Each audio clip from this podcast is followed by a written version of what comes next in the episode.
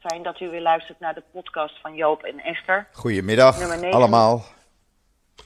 Nummer 29 deze week. Ja. En we werden vanochtend wakker in een andere wereld.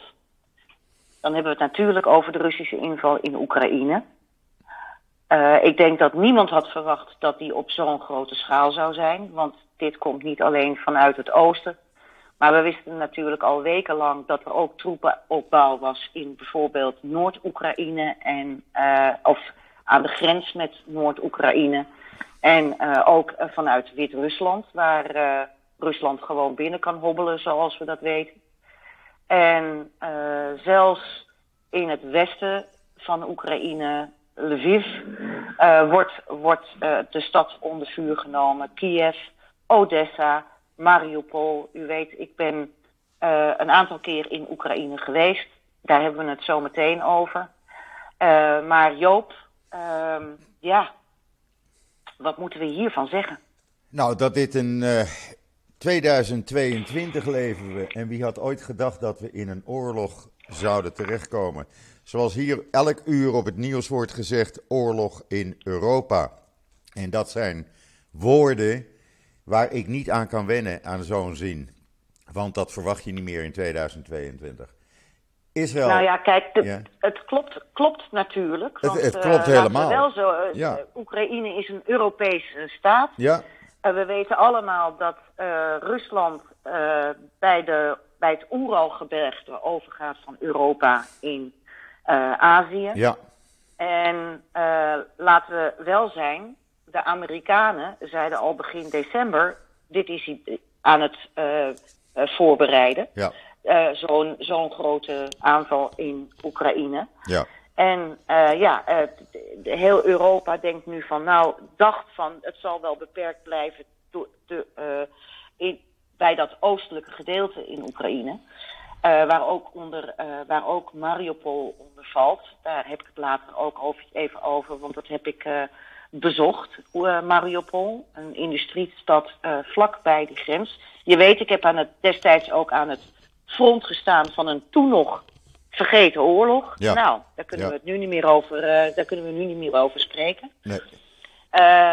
En wij zijn, Joop, de hele ochtend bezig geweest met het inzamelen van informatie. Ja, Ook over hoe Israël in deze zaak staat. En ik weet dat er eh, organisaties zijn zoals Maccabi Europe, ehm, waar eh, David Bezemer de voorzitter van is.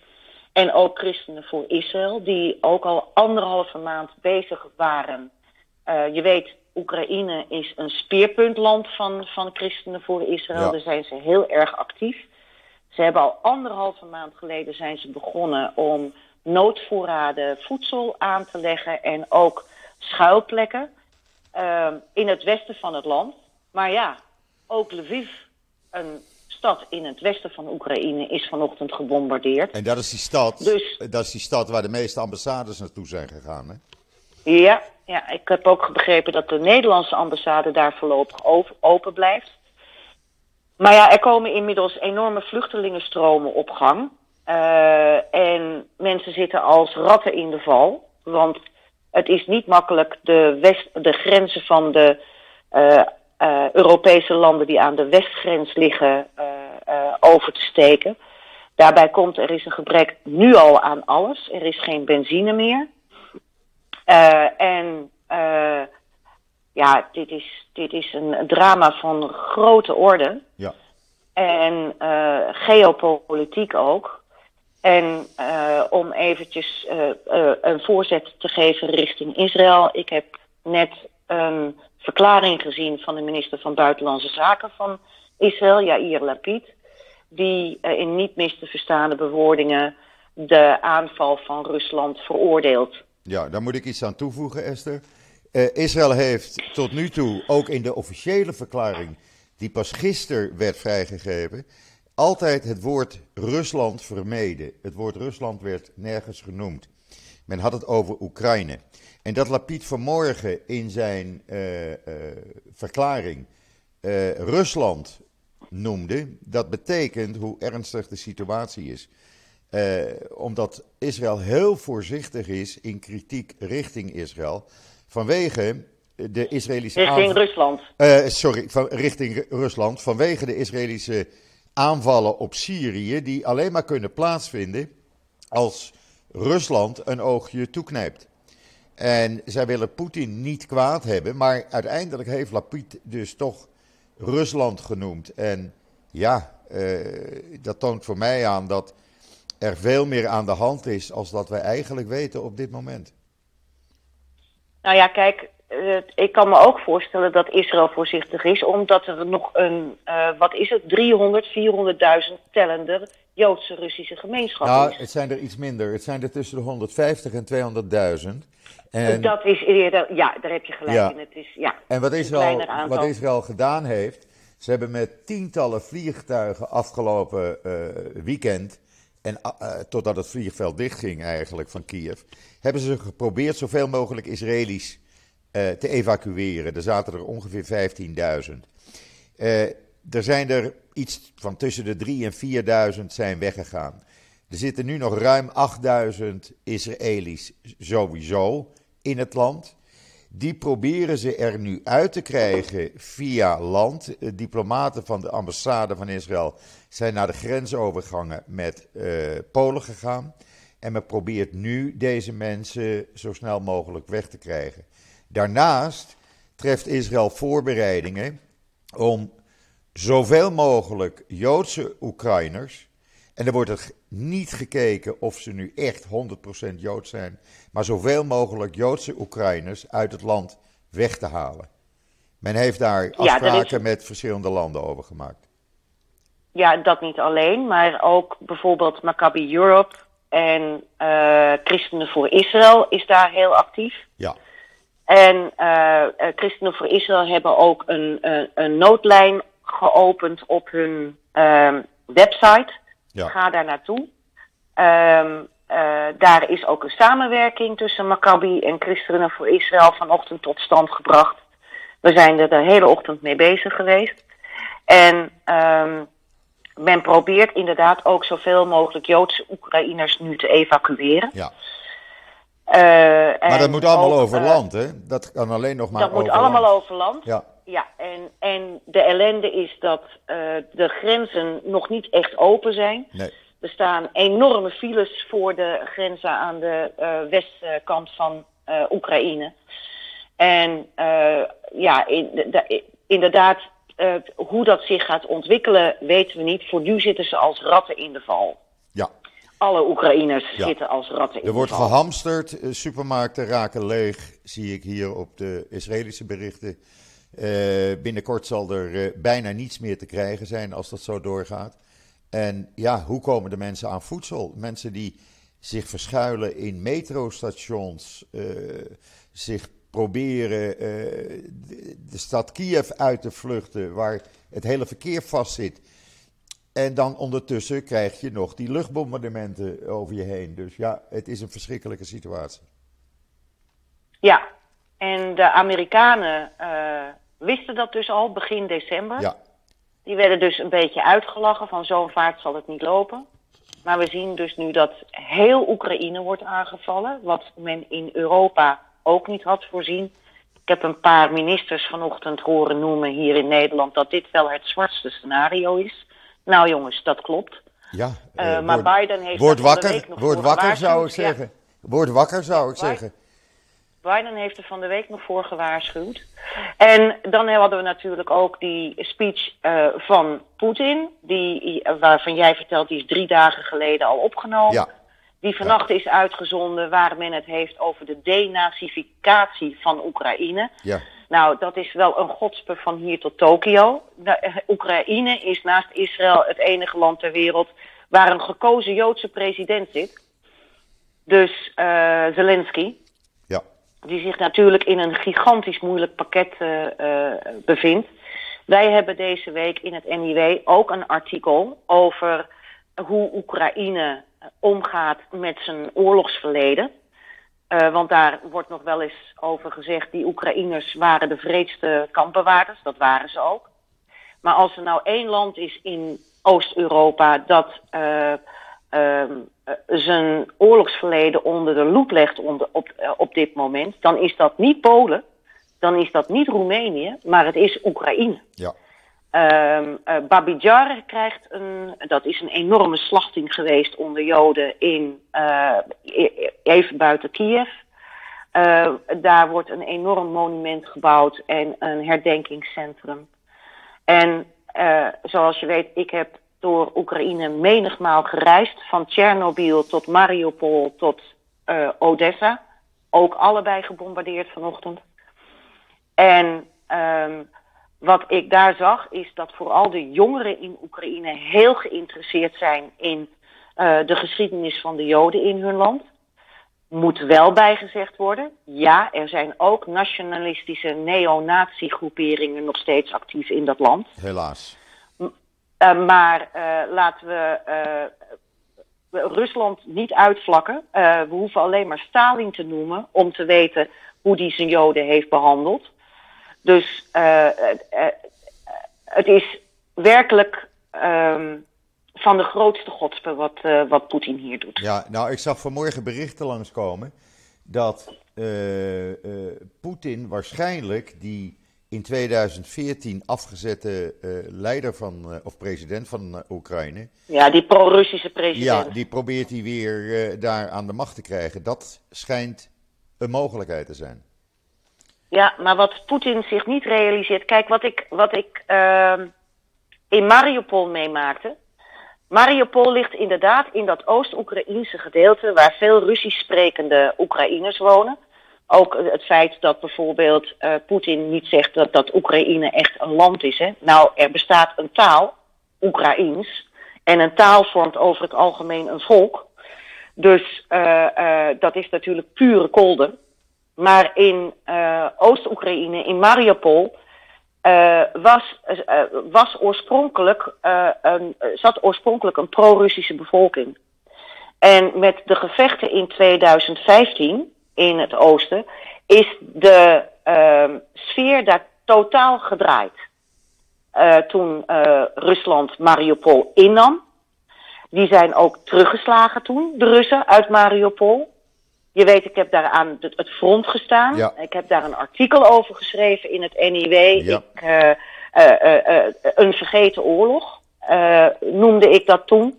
Dat was toen voor Europa een vergeten oorlog. Maar er was nog, waren nog degelijk dagelijks schermutselingen tussen het Oekraïense leger en de rebellen en Russische huurlingen. En um, dat dat oosten oorspronkelijk pro-Russisch was, dat klopt. Maar dat is de afgelopen jaren ook gedraaid. Dus uh, uh, wat, wat hier gebeurt is een pure drogreden. Om, uh, en wat heeft dat trouwens te maken, hè, dat Oost-Oekraïne, met steden als Lviv, wat helemaal aan de westkant ligt. Met Kiev, met Odessa, dat in het zuidwesten ligt. En ik denk dat uh, Poetin vooral uh, zijn ogen heeft onder meer op, op Mariupol, want het is een heel grote havenstad met um, uh, um, exit naar de Zwarte Zee. Ik heb ook al begrepen dat Oekraïne Turkije heeft opgeroepen om geen Russische schepen meer door te laten in Istanbul, Istanbul naar, de, naar de Zwarte Zee. Want die hebben natuurlijk via de Bosporus ingang naar de Zwarte Zee. Ja. Kortom, uh, we staan voor een uh, groot, groot probleem. En er waren al wat heel interessante vragen ook van mensen toen we deze podcast aankondigden. Dat ging onder meer over de graanvoorziening. U moet weten, Oekraïne is de graanschuur van Europa. Dat ziet u ook terug in hun vlag. de blauwe lucht aan de bovenkant. En de gele onderkant, dat is het geel van het graan en de zonnebloemen. Dat als je in de zomer inderdaad uh, door Oekraïne reist, dan zie je dat ook echt. Dan begrijp je die vlag. Want het zijn enorme uh, kilometers aan kilometers uh, graanvelden en zonnebloemvelden. Uh, en Israël is bijvoorbeeld, hebben we besproken van de week, Joop, afhankelijk van de graanvoorraad van Oekraïne. Ja, de helft, uh, meer dan de helft van het graan wat hier gebruikt wordt voor het brood komt uit Oekraïne. En ja, dat is voor ons ook een groot probleem aan het worden. En ja, ja, ik, weet, ik, ik, hebben... ik weet niet hoe ze dat gaan oplossen. Ik heb geen flauw idee, want daar wordt niet eens meer over gesproken op dit moment. Nee, en ik heb ook uh, het. Um, nou ja, we zien het natuurlijk ook hier in Europa met de gasprijzen. Die gingen vanochtend ook meteen sky high, voor zover ze dat nog niet waren. En hier wordt ook al um, uh, ja, gezegd van we zullen toch uh, Groningen weer moeten openen. Ja, er zit, geen andere, er zit geen andere mogelijkheid op. Uh, wetten, zeg ik dan maar. Ja. ja, ik hoop alleen dan dat de Groningers echt goed worden gecompenseerd en snel.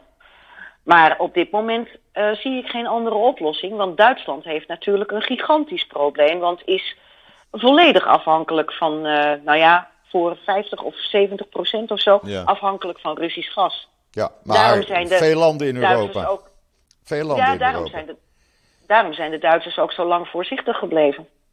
Ja, maar ik denk toch, en dat wordt een beetje hier door allerlei analisten ook uh, gezegd juist de, de zwakke houding van Europa heeft uh, Poetin ertoe bewogen om gewoon door te gaan. Ook de zwakke, houding, de zwakke houding natuurlijk van, uh, van Biden. Uh, maar als Europa wat krachtiger had opgetreden, dan had het misschien, heel misschien, niet gebeurd vandaag. Want Poetin laat zich, nou, heus niet, hij laat zich heus niet bang maken door uitlatingen van sancties en nog, uh, nog meer sancties. Daar, daar, ligt die man niet wakker van. Daar ligt nou, ja, niet wakker van. Hij heeft zijn schaapjes toch al op het droge. Dat bedoel ik. Ik heb in ieder geval wel begrepen dat uh, de Russen zelf uh, helemaal niet blij zijn met deze actie. Nee, er zijn demonstraties aangekondigd of al bezig door uh, allerlei, ja, laten we zeggen, anti-Poetin-organisaties die je daar hebt in Rusland. En uh, ja, ik weet niet hoeveel mensen zij op de been kunnen krijgen. Maar de Russen, voor de Russen zelf, voor de bevolking, is dit ook niet goed, nee. We gaan dat verder zien. Is het, oh, er was nog een vraag. Even kijken hoor. We hadden het over graan, uh, over de voedselvoorraad. Um, en ja, uh, nou ja, er wordt dus op dit moment keihard gewerkt ook aan de, um, aan de, de, de, de evacuatie van zowel Israëli's als Joodse inwoners uit Oekraïne. Uh, de Jewish Agency is daar natuurlijk ook heel erg actief. Ik ga even kijken, want volgens mij hadden we nog meer vragen, Joop. Ja, maar ik zit Even niet op mijn Twitter. Ik kan wel even snel. Nee, dat kan niet. Dat bekijk, bekijk, be, begrijp ik. Ik ga even kijken, want ik had je wel het een en ander doorgegeven. Ja, ik heb er ook een uh, van een of andere meneer die iets vroeg aan jou. Hij had hem eerst weggehaald en later weer teruggezet. Even kijken of ik hem uh, snel kan vinden, maar ik denk het niet. Uh... Nou, dames en heren, het is een beetje improviseren vandaag. Want. Uh, oh ja, hier heb ik hem. Hier heb ik hem. Poetin zei gisteren dat hij Oekraïne wil zuiveren van alle antisemieten. Zelensky is wonderlijk genoeg Joods. In hoeverre leeft het antisemitisme nog in Oekraïne? En hoe is dat in vergelijking met Rusland? Dat was de vraag. Nou ja, die, ik denk dat we die net hebben um, um, beantwoord. Uh, dat er geen antisemitisme meer in Oekraïne uh, uh, is, dat is onzin. Er heerst nog steeds heel veel antisemitisme in Oekraïne. Maar dat is beslist niet minder dan, of niet meer dan in Rusland zelf. Um, en uh, um, wat we dus ook zien is dat in Oekraïne er juist uh, interesse en nieuwsgierigheid is naar, hun rol in de Tweede Wereldoorlog. Uh, vooral de jongeren zijn daarin geïnteresseerd. En uh, ik heb het zelf meegemaakt dat wij op een gegeven moment bij een voormalig vernietigingskamp stonden in Oekraïne. En daar stonden drie um, totaal dronken Oekraïners die op onze groep afkwam. Uh, dat was een reis die ik ondernam met Christenen voor Israël. En die begonnen, de Joden moeten niet zo zeuren. En uh, uh, moeten we het hier nou nog over hebben? Maar ik weet ook dat er op dit moment door heel Oekraïne ook monumenten worden opgericht.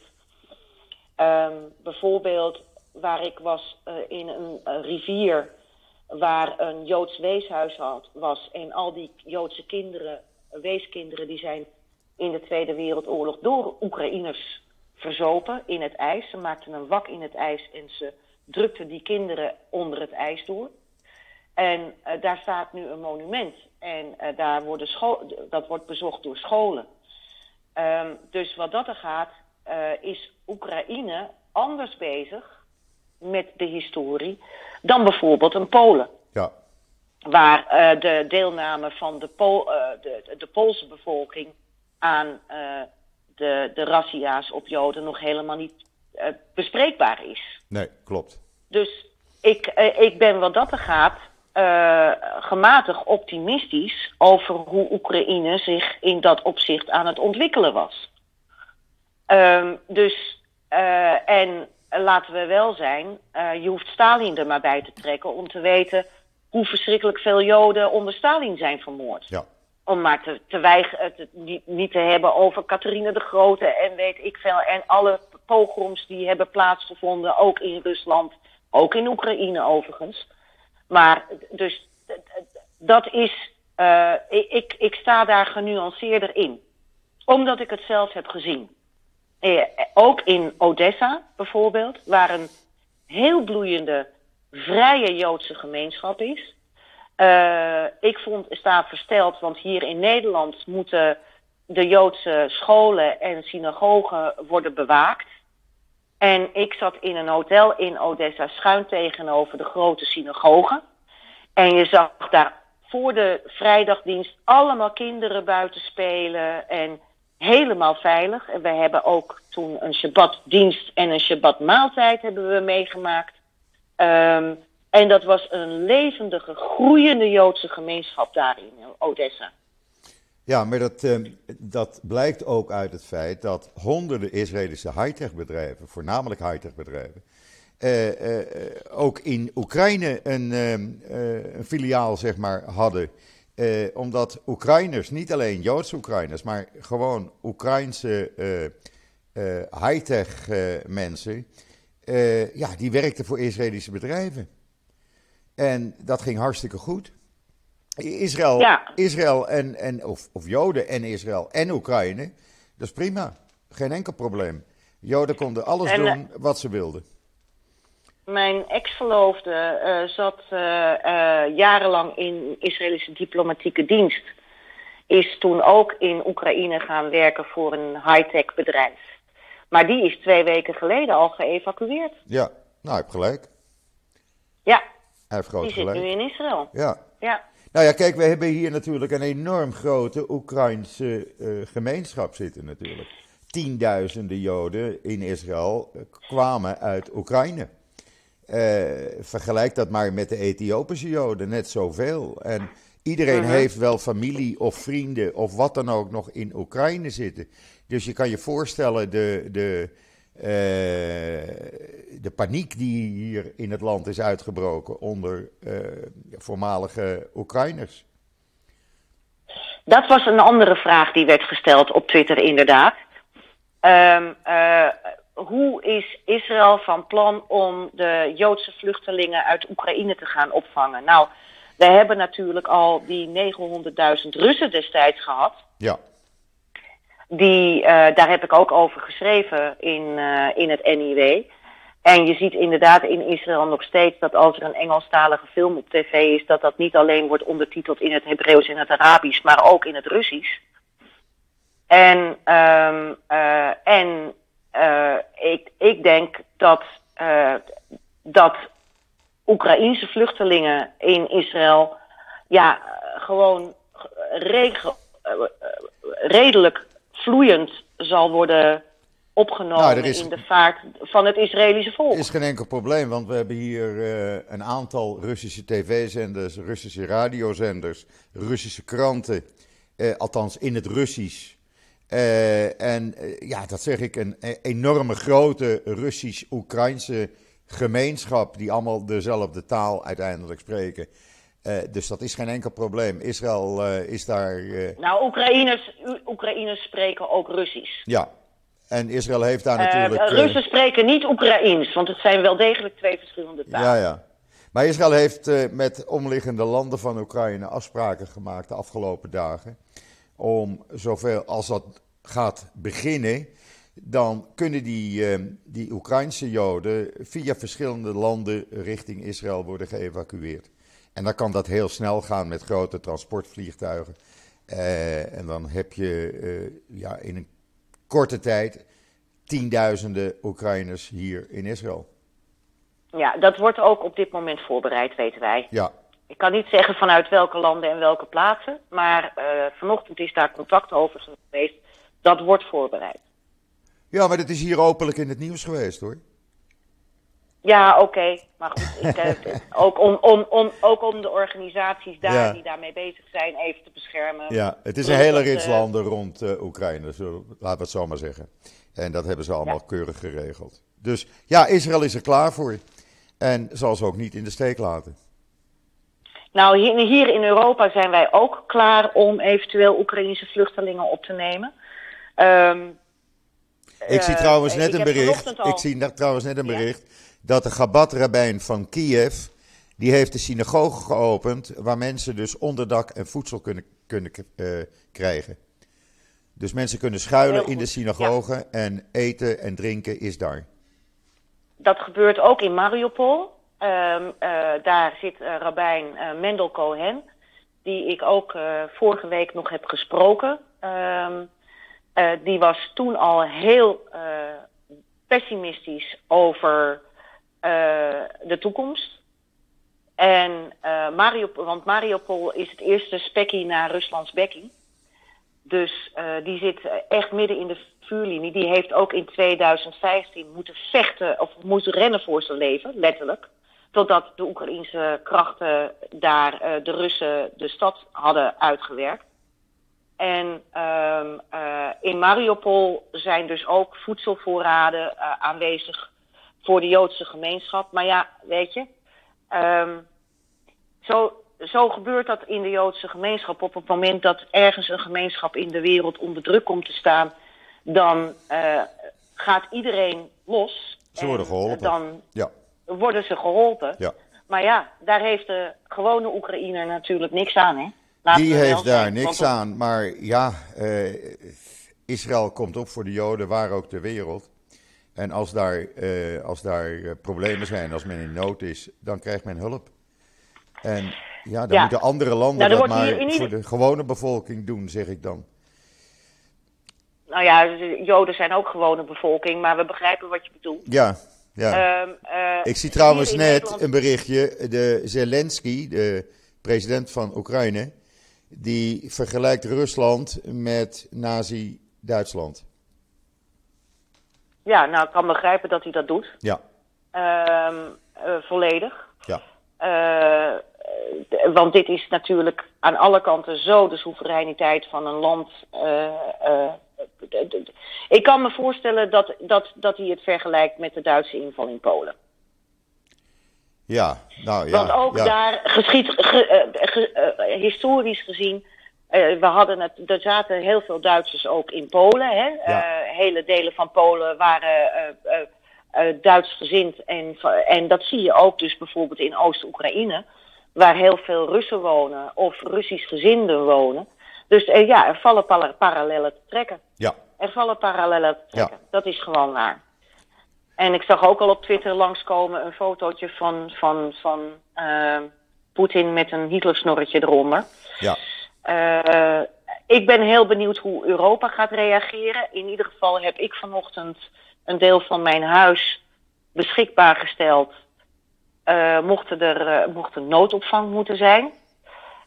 van, van, van, van Oekraïnse vluchtelingen. Ik weet dat dat ook op dit moment gebeurt vanuit Joodse organisaties in Duitsland. Dat die eventueel, dat eventuele vluchtelingen dus goed kunnen worden opgevangen. Ja. Um, en verder gaan we het zien, want op dit moment, dames en heren, uh, uh, komt er van minuut tot minuut nieuws binnen. Er schijnt ook een tweede golf van aanvallen gaande te zijn, nu door de Russen in Oekraïne. En ja, pit en huil voor Oekraïne. Ja, dat, is het eh, enige wat, ik denk dat we, kunnen doen. Ik denk echt dat we hier solidair moeten zijn met Oekraïne. Ja. En wij hebben deze week ook een artikel in het NIW, omdat uh, sommige Joden zeggen van ik zal voor geen enkele Oekraïner een traantje laten. En dat heeft dan te maken met hun rol in de Tweede Wereldoorlog. Uh, ik denk uh, dat je de kleinkinderen en achterkleinkinderen van wat een volk heeft gedaan, uh, net zoals bij de Duitsers trouwens, wat een volk heeft gedaan in 4045, dat je dat uh, de Oekraïners nu niet mag nadragen. Nee, maar zoals ik in het begin zei, we leven in 2022. Een oorlog hoort niet thuis in dit jaar. Hoort niet meer bij ons te zijn. Uh, we zijn in een internettijdperk. Iedereen heeft korte verbindingen. Uh, binnen een seconde praat je met iemand aan de andere kant van de wereld. Je hoeft geen oorlog te voeren om je gelijk te halen of wat dan ook. Uh, dit had op een andere manier kunnen worden opgelost. En laten we echt hopen dat uh, het verstand terugkeert bij iedereen. En ja, dat dit. Uh, nou, bij, bij Poetin. Bij Poetin. Maar ja, maar het hangt ook af. Maar ik denk, ik denk dat, je, dat, dat je daar lang op kan hopen. Ja, maar het hangt ook af van de reactie van de Europese en Amerikaanse leiders. Daar hangt heel veel van af. En de manier waarop je wat zegt, ja, je moet zorgen dat je ja, dat je laat zien dat je een vuist kan maken. En dat wordt niet gedaan op dit moment. Er wordt geen vuist gemaakt. Nou, niet door Europa. Europa was, was, uh, Europa was afgelopen week verrassend uh, eensgezind. Dat had men niet uh, 1, 2, 3 verwacht.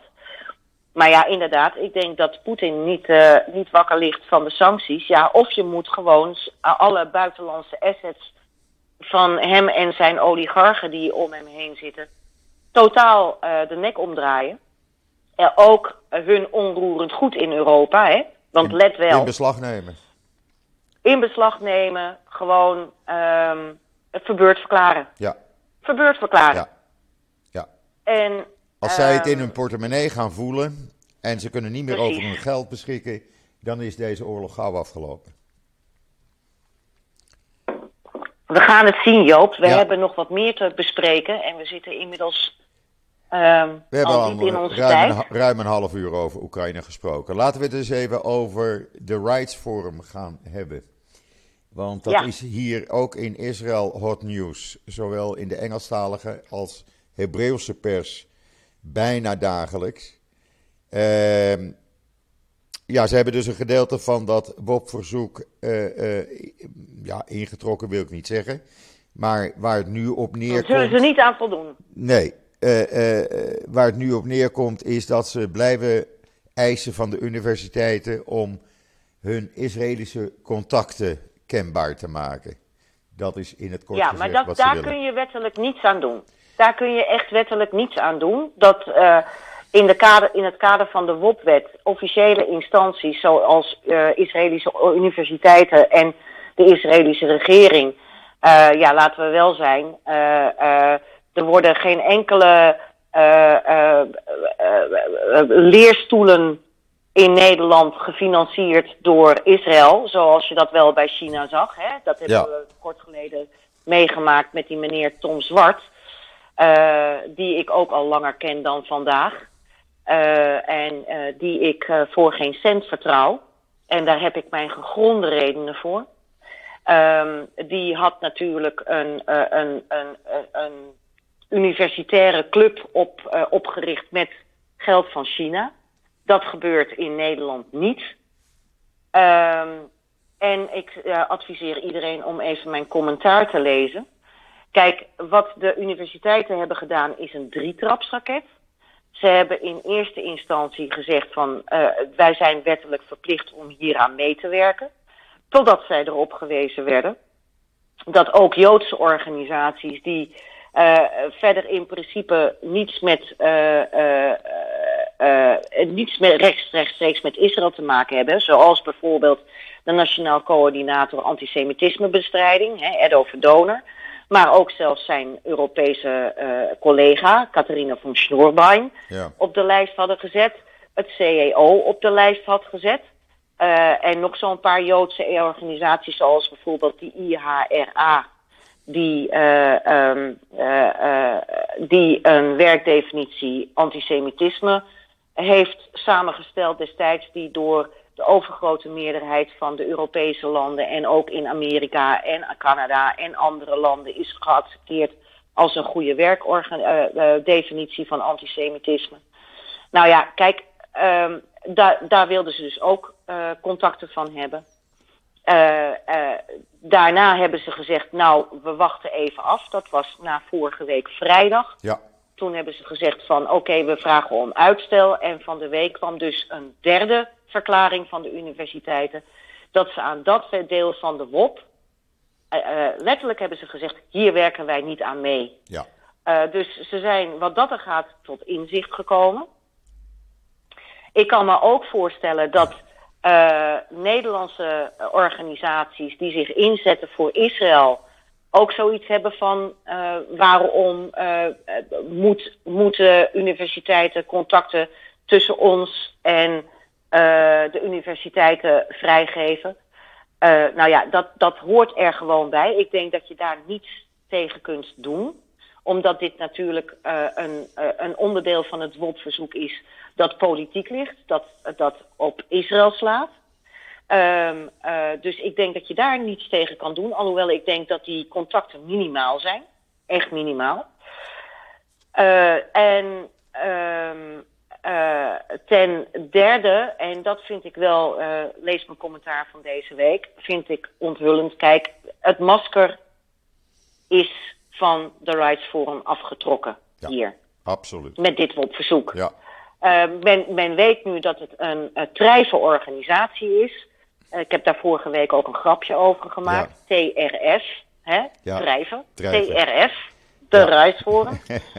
en en uh, we zien al de nodige um, tegenstand vanuit universiteiten komen, zoals een hoogleraar uh, op de Erasmus Universiteit, die het maar belachelijk vond dat ze werden beschuldigd van antisemitisme. Nou, kan die man even zijn mond gaan spoelen, maar dat is dus typisch iemand die aan die BDS-kant staat. Uh, de BDS, dames en heren, is uh, Boycott, Divest and Sanctions beweging. Die willen Israël totaal isoleren. Um, um, dat is ook de. En niet alleen isoleren, maar hun kreet From the River to the Sea, Palestine will be free. betekent gewoon opheffing van de Joodse staat. En um, we zien dat dus steeds meer bij die BDS radicaliseren. En ik schrijf dus ook in mijn commentaar deze week, ik zou het wel interessant vinden om eens een vergelijking te maken. Want uh, de aantal pro-Israëlische uh, uh, organisaties hier in Nederland, nou, die zijn echt nog niet eens op tien vingers te tellen. En dan moet je heel goed zoeken, ook gewoon ja, vrijwilligersorganisaties en zo. maar hoe zit dat met de banden die bepaalde hoogleraren en universiteiten hebben met pro-Palestijnse organisaties, die vaak zelfs tegen uh, terrorisme aanschurken en zelfs uh, vaak ook nog um, uh, subsidie ontvangen. Ik noem maar bijvoorbeeld een Al-Haq, waarvan de Europese Unie kort geleden de subsidie heeft stopgezet, omdat ze toch zagen dat het lauwtof was. Lauwtof is drijven, niet, Ja. niet, niet tof, niet kosher. Nee.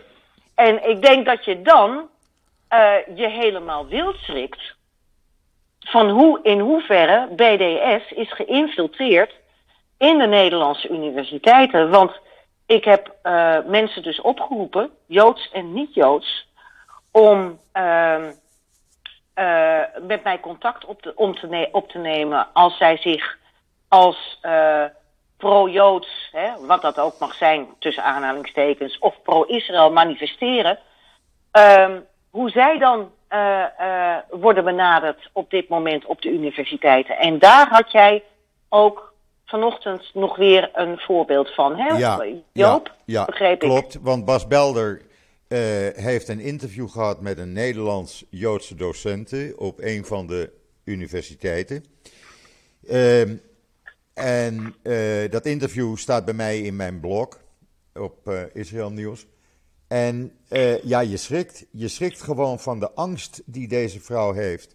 En zij zei ook: het was alsof een bom in mijn handen ontplofte toen ik hoorde van dat WOP-verzoek. En het is voor die vrouw een onwerkbare situatie geworden. Ze, ze is doodsbang om naar haar werk te gaan. Het is verschrikkelijk. Het is echt heel erg. En als de Nederlandse, Nederlandse regering hier niets aan doet, wordt dat alleen maar van kwaad tot erger. Uh, uh, wij hebben, uh, dat weet je, een aantal weken geleden, meer dan twee maanden geleden, was de eerste, een paar studenten van universiteiten geïnterviewd over antisemitisme. Iemand in Maastricht en iemand in Leiden bijvoorbeeld. Wij wilden met hen opnieuw een interview doen en zij durven niet meer. Ze zijn doodsbang, ze zijn bedreigd geworden, ze worden nergens meer voor uitgenodigd. Uh, dat is de situatie in Nederland, op Nederlandse universiteiten. Nou ja, ik heb eh, dat was puur toeval, dames en heren. Ja, soms is er zoiets als synchroniciteit. uh, uh, mijn afgelopen twee mensen, zowel in NIW 21 als in NIW 20, waren twee vrouwen die verbonden waren. De een was aan de, verbonden aan de Universiteit van Utrecht. En de ander werkte voor de VU. En uh, de eerste dame, Ilse, uh, die zei heel duidelijk, Ilse Lazarom zei gewoon van, ik voel me heel erg alleen staan. Ja. en ik voel mij niet meer thuis op mijn faculteit. En de tweede dame die bij de VU werkt, die heeft gezegd, ik, ik geef mijn identiteit niet prijs. Want uh, uh, ik weet dat mensen dan anders tegenover me gaan staan. Ja. Zo, zo erg is het nu. Ik ben dat ook allemaal, want er is nog veel meer over te vertellen, maar ik ben dat allemaal aan het inventariseren. En ik kom met een groot artikel terug. Natuurlijk en uiteraard ook met hoor en wederhoor. Want dat hoort in het NIW. Ook van de universiteiten van kijk, dit is in, op uw universiteit gaande. Wat gaat u daartegen doen? Ja. Dus, um, uh, uh, maar dat, de, de, reacties zijn te groot en te veel. Ja. Uh, ik moet dat goed bekijken, goed inventariseren. Dat is niet iets wat je in een week in elkaar timmert. Want het moet ook allemaal kloppen. Ja, heel maar waar, het in het, het kort, waar het in het kort op neerkomt, Esther, is dat er gewoon heel veel antisemitisme is en jodenhaat op Nederlandse universiteiten. Om nog maar niet te spreken van Israëlhaat. En dat sluit een beetje aan eigenlijk bij een, een onderzoek. Dat klopt. Dat sluit een beetje aan eigenlijk bij een onderzoek wat gisteren gepubliceerd is hier in Israël. 59% van de Israëli's tot 60 jaar, als die naar het buitenland gaan, 59% mind you, durven ze niet uh, hun Joodse identiteit uh, te laten blijken. En, of een Israëlische, ja, die, die, ja. die signalen krijg ik en, ook binnen. En, en, en jongeren, er zijn ook... jongeren, jongeren tussen uh, 20 en 28 jaar, die voelen zich heel erg onveilig als ze in het buitenland zijn. En uh, wat, uh, wat ik ook nog moet onderzoeken, is dat er geruchten zijn dat op universiteiten Israëlische studenten met drogredenen worden afgewezen om uh, dus hier in Nederland te komen uh, studeren. Ja, ik hoor ook die geluiden. Ik hoor ook die geluiden. Ik zal uh, een paar mensen vragen om contact met jou op te, op te nemen daarover. Ja, want uh, ik ga dat allemaal uitzoeken en daar komt een uh, grondig doorvrocht uh, stuk van in het NIW. Maar ik ga niet over één nacht ijs. Nee, maar dit wat, is mij, wat, mij opvalt, wat mij opvalt is dat de laatste tijd heel veel jonge Nederlandse Joodse jongeren in Israël zijn gaan studeren, op het IDC bijvoorbeeld. En ja. dat zijn er veel meer als voorheen. En misschien heeft dat ermee te maken, dat zou best eens kunnen. Nou, in het NIW starten we binnenkort een, uh, een serie uh, over uh, Joodse jongeren hier, ook studenten. over blijven of vertrekken. Ja. Nou ja, mijn kleindochter, een van mijn kleindochters is vier, ruim vier maanden hier in Israël geweest. Ze is nu weer even terug omdat haar visum verliep. En die is toch echt van plan om binnenkort hier naartoe te komen. Ja, dat zijn allemaal tekenen aan de wand. 19 jaar oud. Ja. En door haar ben ik te weten gekomen dat er zoveel honderden jonge, Joodse jongeren uit Nederland hier zitten. Want ze zegt, opa, eh, we gaan Ajax kijken. Ik zeg, waar ga je dat doen? Nou, dan gaan we naar Mike's Place. En dan zitten we met een paar honderd eh, eh, mensen uit Amsterdam. Pardon. Ja. ja, want die zitten allemaal hier, opa. Weet je dat dan niet? Ja, alle... ja. Allemaal voorbereiding op. Ja. ja, ja, ja, ja, ja. ja. Dus ja. Joop, ik ga nog even, even verder met wat we verder in het NIW hebben deze Ja, doe dat maar. Uh, we hebben, uh, ik heb een prachtig boek uh, gelezen. Belonging and Betrayal. Um, why, wacht even, ik heb hier de cover voor me. Why Jews Made the Art World Modern. Oké. Okay. Van professor Charles Dellum. Uh, die vertelt helemaal hoe uh, de emancipatie van Joden uh, vanaf zeg maar de Napoleontische tijd ook doordrong in de kunst, omdat Joden eigenlijk de eerste erkenners en mecenassen waren van de moderne kunst, zoals het impressionisme, het expressionisme, het post-expressionisme, ook hoe bijvoorbeeld Vincent van Gogh lang na zijn dood, hij is overleden in 1890, maar in 1901 was er een uh, expositie met vijf van zijn werken in Berlijn. Uh, in, een in een Joodse galerie. Uh, die galeriehouder die vermengde werken van klassieke meesters met onder meer dat van Van Gogh. en naar aanleiding waarvan ook musea zijn werk aankochten en zo. Maar het gaat veel en veel breder. Het is een pil van 600 zoveel bladzijden. Zo. En ja, en daar heb ik een, ja, een, een verslag van gedaan. Uitermate interessant, want hij, uh, deze Dellum vertelt ook wat er vervolgens gebeurd is tijdens het naziregime. En hoe Joden zijn bestolen, niet alleen van hun klassieke werken, maar ook van hun moderne werken. Klassieke werken die gingen allemaal uh, richting het naziregime. En de moderne werken werden soms gewoon in de fik gestoken. Zo. Want dat was natuurlijk niet naar het spekkie naar het bekkie van de nazi's. Maar in ieder geval, daar hebben we een groot artikel over. En uh, Mickey Cornelissen uh, heeft met uh, onze trouwe luisteraar en trouw fan van het NIW, Henk Bakpoort, het Surinaamse koosjere gerecht POM gemaakt. dat Sephardische wortels heeft. Oh, lekker. En ja, dus ook, hè, want they try to kill us, let's eat. um, ja, dat is een beroemd gezegde, dames en heren. Ja. They try to kill us, they failed, let's eat. Ja. Dat is een, een, een cynisch Joods grapje. Absoluut. Wat, van, en zo is er nog veel meer deze week, inclusief dus dat artikel over Oekraïne.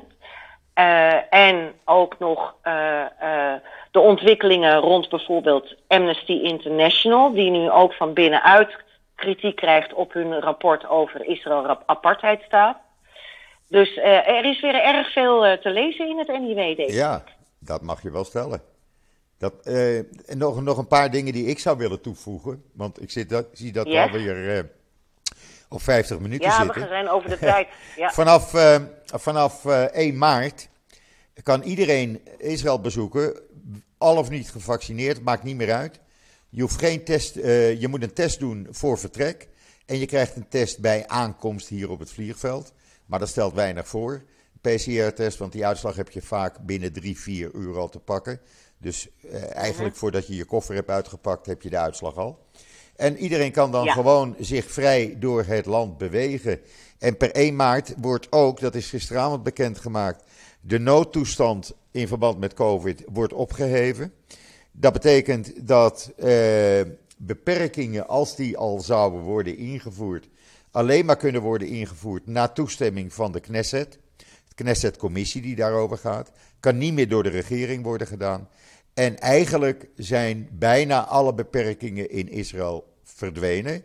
Met uitzondering van mondkapjes uh, in uh, publieke ruimtes zoals winkelcentra en winkels uh, en bioscopen en zo. Maar voor de rest zijn er geen beperkingen meer. Je kan, of je nou wel of niet gevaccineerd bent, naar een café, naar een restaurant. je kan overal naartoe. Dus ik zou zeggen, mensen, het voorjaar komt eraan. Uh, ja. kom, le kom, lekker, kom lekker deze kant uit. we hadden, even, even gisteren, we gisteren 26 graden opeens. Ja, ja. ja, het is nu weer kouder, 18 graden, maar toch. Hè, het was de, in de nacht was het 17 graden vannacht.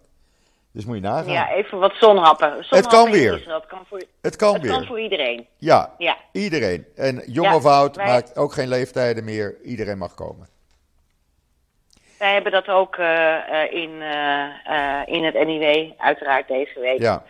En, uh, nou, dat is, en weet je, er is toch nog een bepaalde manier van veiligheid in Israël omtrent COVID. Absoluut. Dus ja, het is. Maar er is wel één raar ding. Gewoon... Er is wel één raar ding, Esther, voordat ik het vergeet. Ja? Mensen die naar Nederland vliegen, Israëli's, die, uh, die moeten uh, uh, allerlei testen en, en van alles en nog wat kunnen aantonen dat ze niet besmet zijn.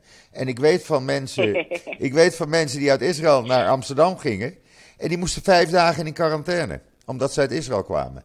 Ik weet niet wat ze in Nederland van plan zijn, maar ik zie nog steeds positiviteitspercentages van dik in de 50% van iedereen die getest wordt. En dan denk ik, ja, mhm. hallo, we zitten hier rond de 10% positiviteit. Het aantal besmettingen neemt ogen af dagelijks. Eh, doe even normaal in Nederland, zeg. Laat gewoon Israëli's toe en stop ze niet eerst eh, vijf dagen in quarantaine. Ja, het is er niet te geloven. ja, het is een beetje de omgekeerde wereld. En weet je, en weet je hoe het gaat? Israël geeft. Uh, de, de, de, de GGD die krijgt informatie van wie er op een vlucht uit Israël zitten. En die bellen dan iedereen op. Een kennis van mij, die was hier een paar weken op vakantie. En die kwam terug in Amsterdam. En uh, dus ik uh, vroeg een dag later, was de reis goed gegaan? Jawel, ze zegt maar, ik kreeg vanmorgen een telefoontje van de GGD. En ik moet in quarantaine vijf dagen.